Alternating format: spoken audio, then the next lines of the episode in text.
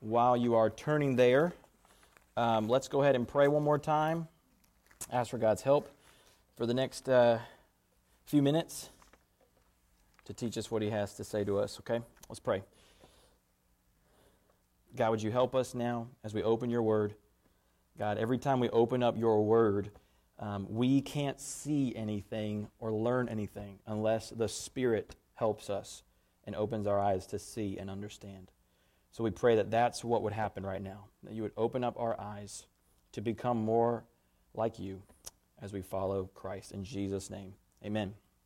Okay, so if you go to the grocery store, there are food items throughout that are uh, name brand, big name brand, and then there is the generic brand. Yes? Okay? Like Great Value is the Walmart generic brand, right? And there's nothing wrong with generic brand. Okay? I have five children, single income. We live off the generic brand. Okay? It looks like Aldi exploded in my pantry. Okay? Just Aldi brand everywhere. So we thrive on it. But there are some things still from the grocery store that you really have to get name brand. Okay? Doesn't matter what the budget is. Okay, here are a couple of examples. It's just not worth the compromise. I'm not, I don't usually use props, but I'm giving props today, okay? All right, some things you just can't do uh, as, a, as a generic brand, okay? Here's Oreo Double Stuf versus great value twist and shouts double filled, okay? All right, no, no, you got to pay the extra 50 cents to get real Oreos, okay? So there's that. By the way, I'll give these out at the end.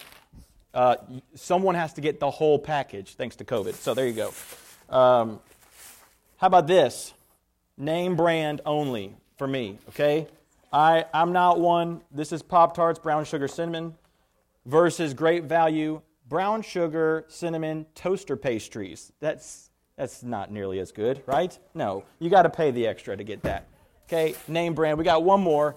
Now, this one could go either way, I think, but um, here we go. So, name brand is usually pretty important here, right? Versus Dr. Thunder. now, don't sleep on Dr. Thunder, okay? It is not as bad as you might think it is, but Dr. Pepper is much better. Okay. So, some things you just got to get name brand. So, one of the differences between generic brand and name brand that makes this distinction usually is flavor, right? Taste. They just the, the generic just doesn't quite get the taste you're looking for, correct? Right?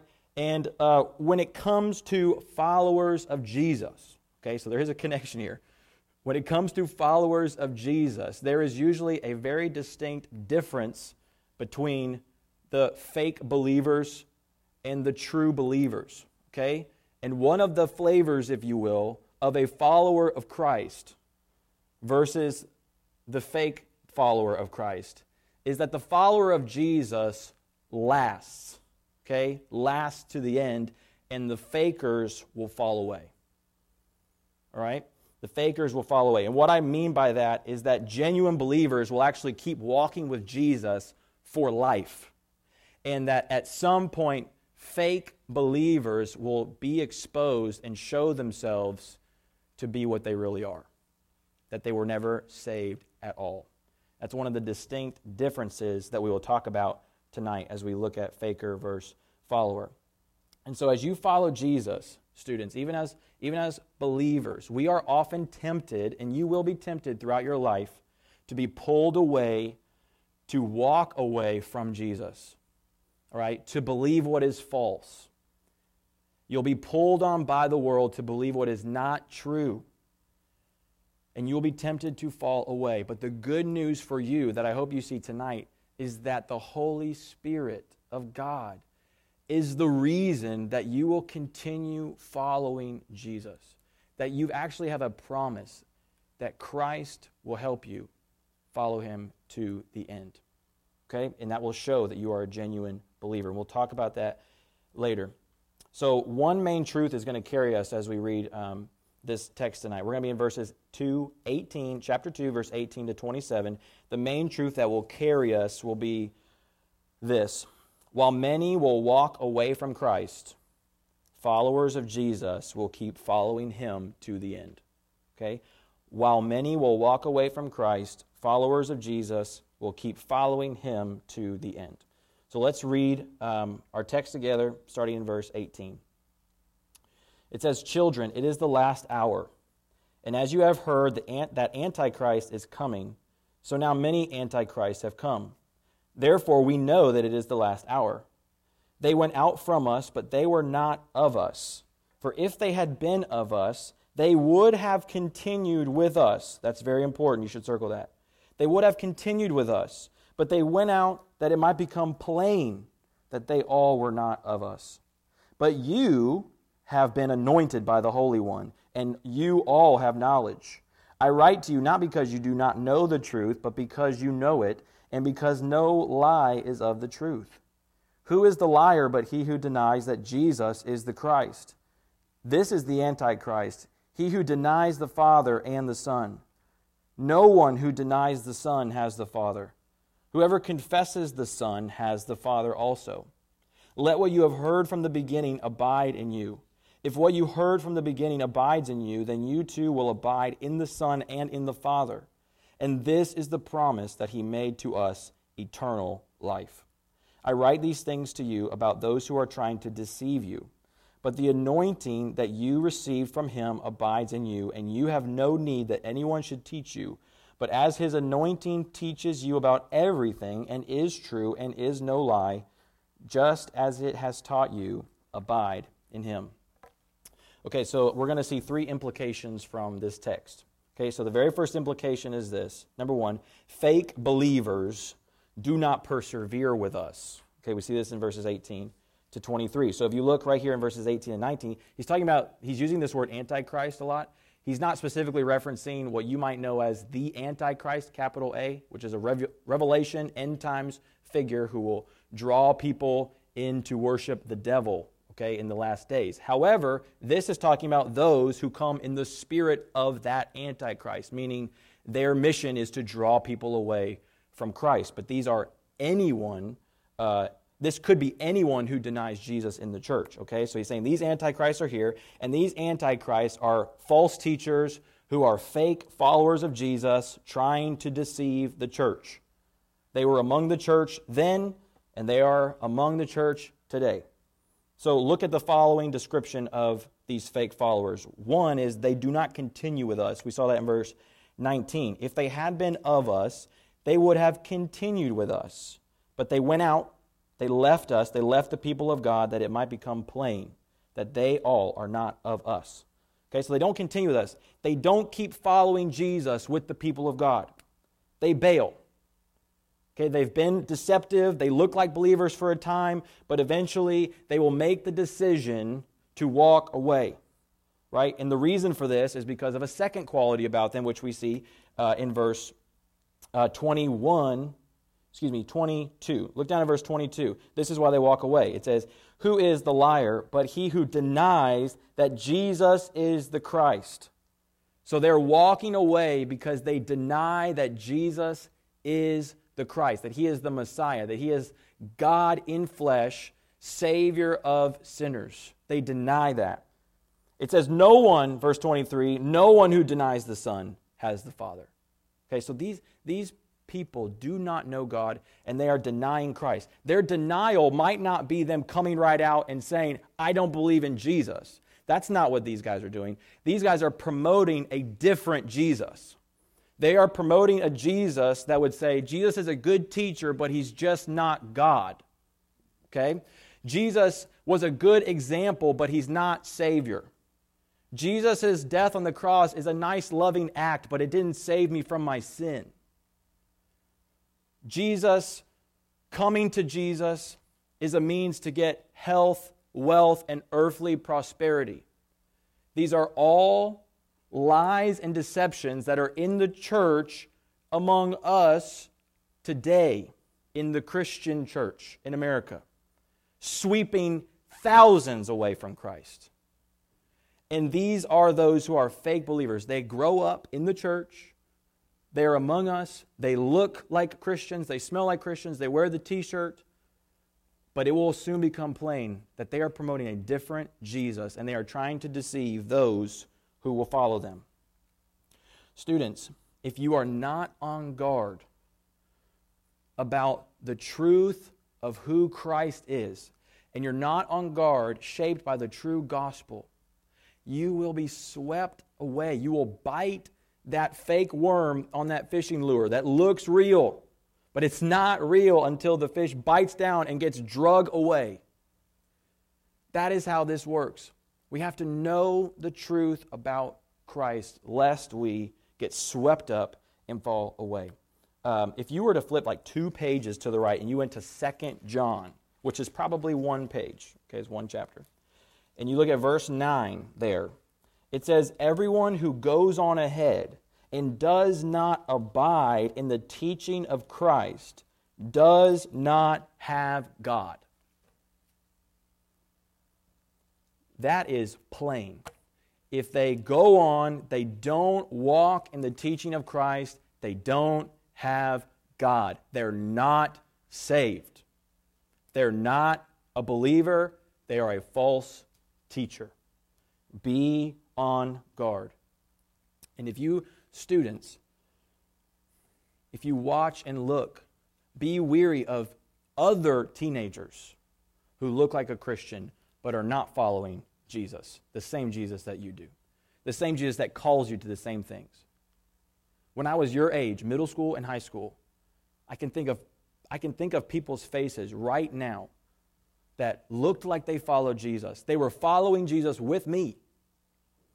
And it didn't take long before they left. They walked away from Jesus. It happens. Be on guard. And as far as I know, those individuals are still not following Jesus today. But they looked like it then, but they're not following him today. And true believers will persevere to the end for followers of Jesus. So the difference between the faker and the follower is that the true followers of Jesus will persevere to the end. Why? Because of verse 20. So look at verse 20. But you have been anointed by the Holy One, and you all have knowledge. So you understand the truth about Jesus. I write to you not because you do not know the truth, but because you know it. So here is what John is saying to us. He's saying the reason that you are going to remain with Jesus is because you have been anointed, literally set apart by the Holy One. That means Jesus is referred to as the Holy One. He sends His Spirit to dwell in you. And that is the reason that you will keep abiding and walking with Jesus. Ephesians 1, verse 13 says that the moment you believed, when you heard the word and you received Jesus, when you received the gospel, you believed that good news, that you were sealed with the promised Holy Spirit until the day that you acquire possession of your inheritance. You are sealed.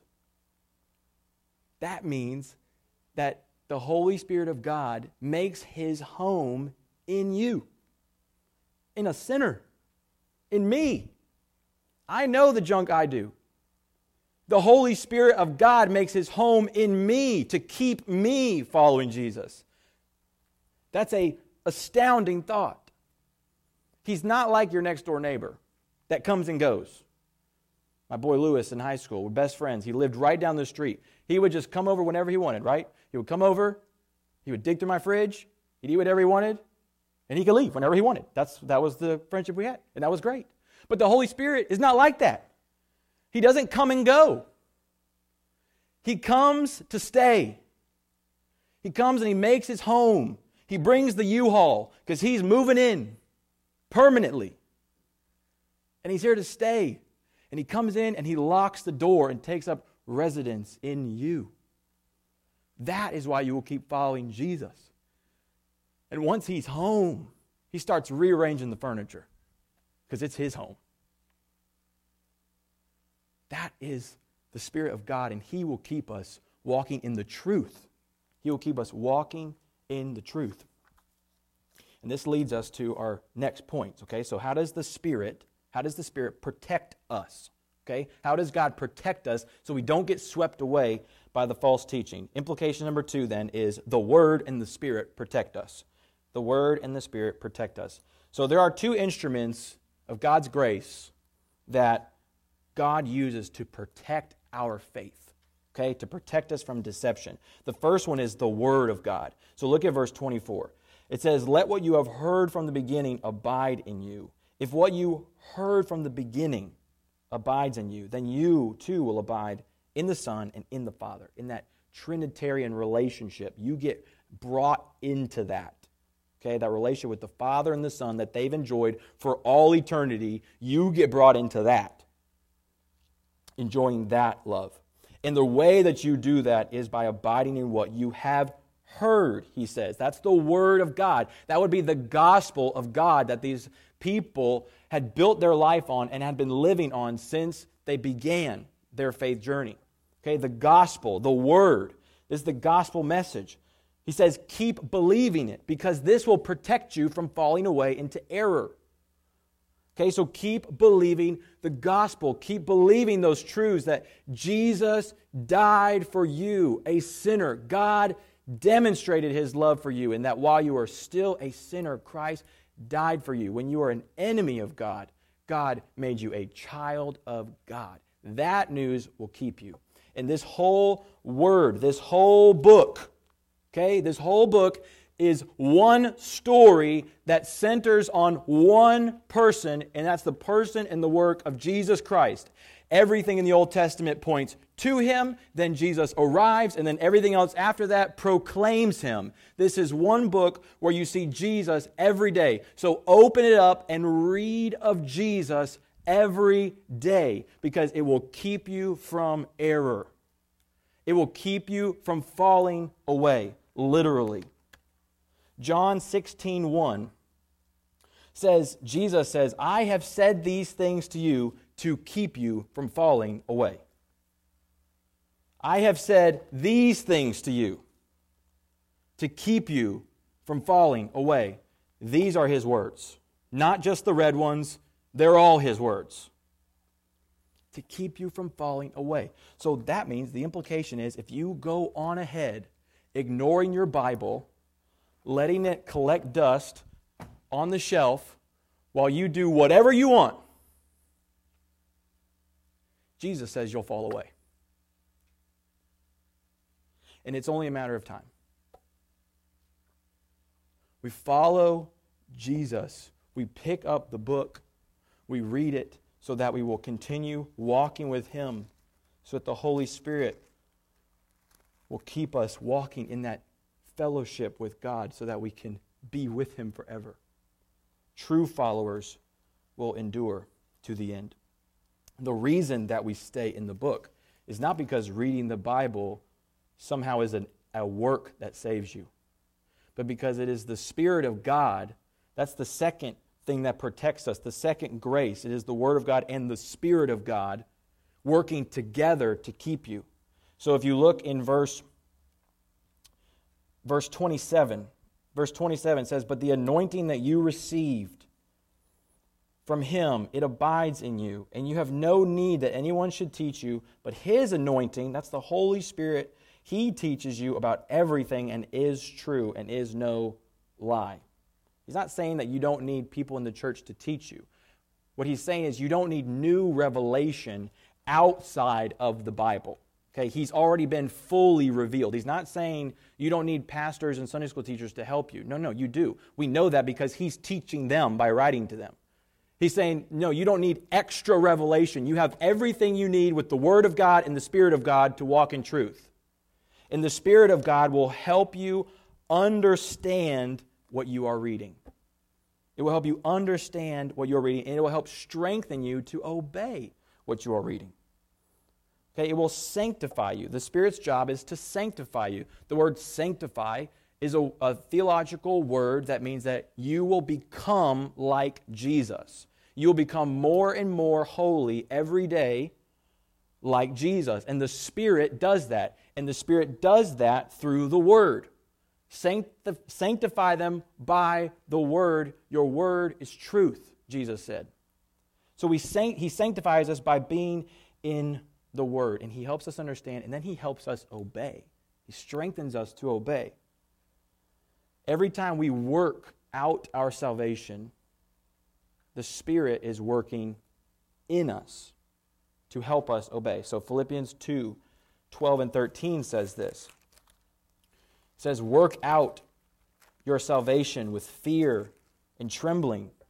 Work out your salvation, not work for. Work out your salvation with fear and trembling. For it is God who works in you, both to will and to work for his good pleasure. So, beneath your working is God working. Everything that you're doing to obey Jesus, it's not you, it's the Holy Spirit working through you, training you, teaching you, equipping you to live and follow Christ. The Holy Spirit teaches you. That's His job. Why is it that way? So that in everything you do, God is glorified. We get no credit, and that is good. We don't need credit. We shouldn't get credit because we're not God. Jesus alone gets all the glory for even your obedience. That is good news. So, the Word of God, the Spirit of God, when we know that the Spirit is working so that we can work, this should stir us to not just passively sit on the sidelines. This should throw us in the game. Because when we know that it's the power of the Spirit who is at work in us, this should motivate us to get in the Word, to put ourselves in a position to obey so that we can experience the Spirit's power. Okay? You're not going to become like Jesus by sitting on the couch. That's not how it works. You don't passively become obedient. No one wakes up in the morning just ready to obey. Yes, Father. No one, no one does that. Right? We're half functioning human beings when we wake up in the morning. We need help. We need strength. We need the Spirit of God to help us and shape us to walk in obedience. And so we need to put ourselves in a place where we are dependent on God, which means that we put our nose in this book and ask the Spirit to help us. Students, are you coasting through your Christian walk? Are you passively sitting on the side while your Bible sits somewhere else and you're just kind of hoping that you become like Jesus? We need to confess that. We need to confess before God that we're not obeying Him. We're not depending on Him. Let's come to Him and get grace to help us follow Him. So, not only does the Word and the Spirit protect us, but then, third and final implication is that eternal life is promised for us. Eternal life is promised for us. We see this right in the middle. I don't know if you caught it, but right in the middle, verse 25. He says, And this is the promise He made to us eternal life. This is the promise He made to us eternal life. This is a promise for you right now. The reason that this is important to realize is that just because you haven't finished your life yet, and you're wondering if you're going to really follow Jesus to the end, you don't have to wonder about that. You don't have to wonder if you're going to actually get to eternal life. You have the promise of eternal life as a Christian right now. First John is written to give you assurance. At 5:13, I've written these things so that you may know that you have eternal life. This is the promise. You get eternal life.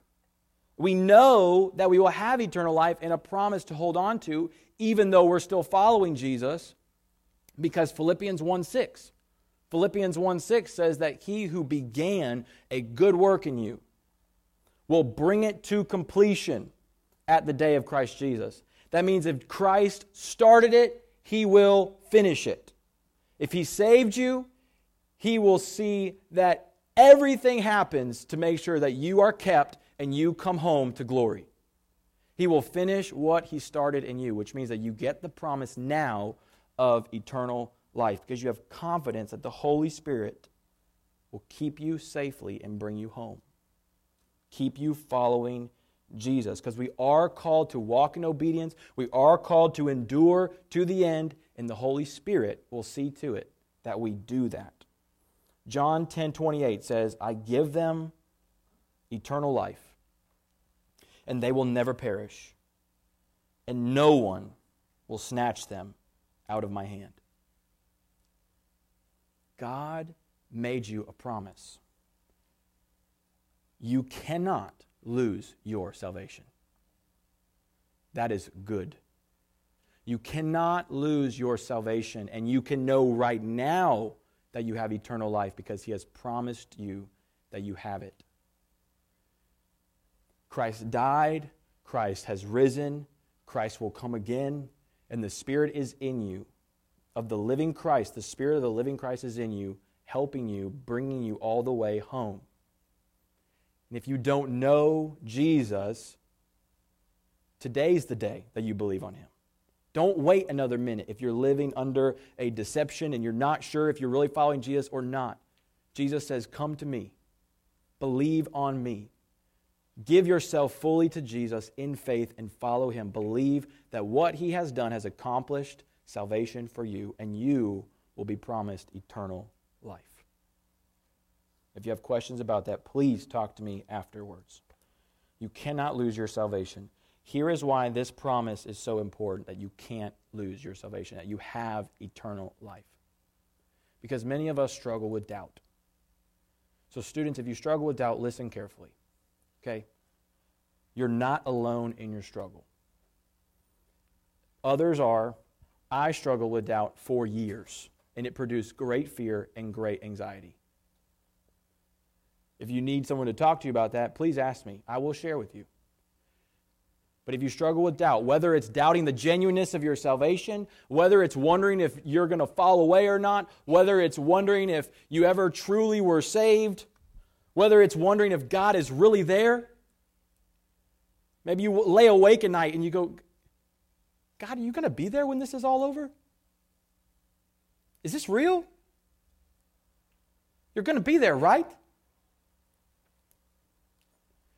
This is the promise he has given to us eternal life. He will be there. He is here now.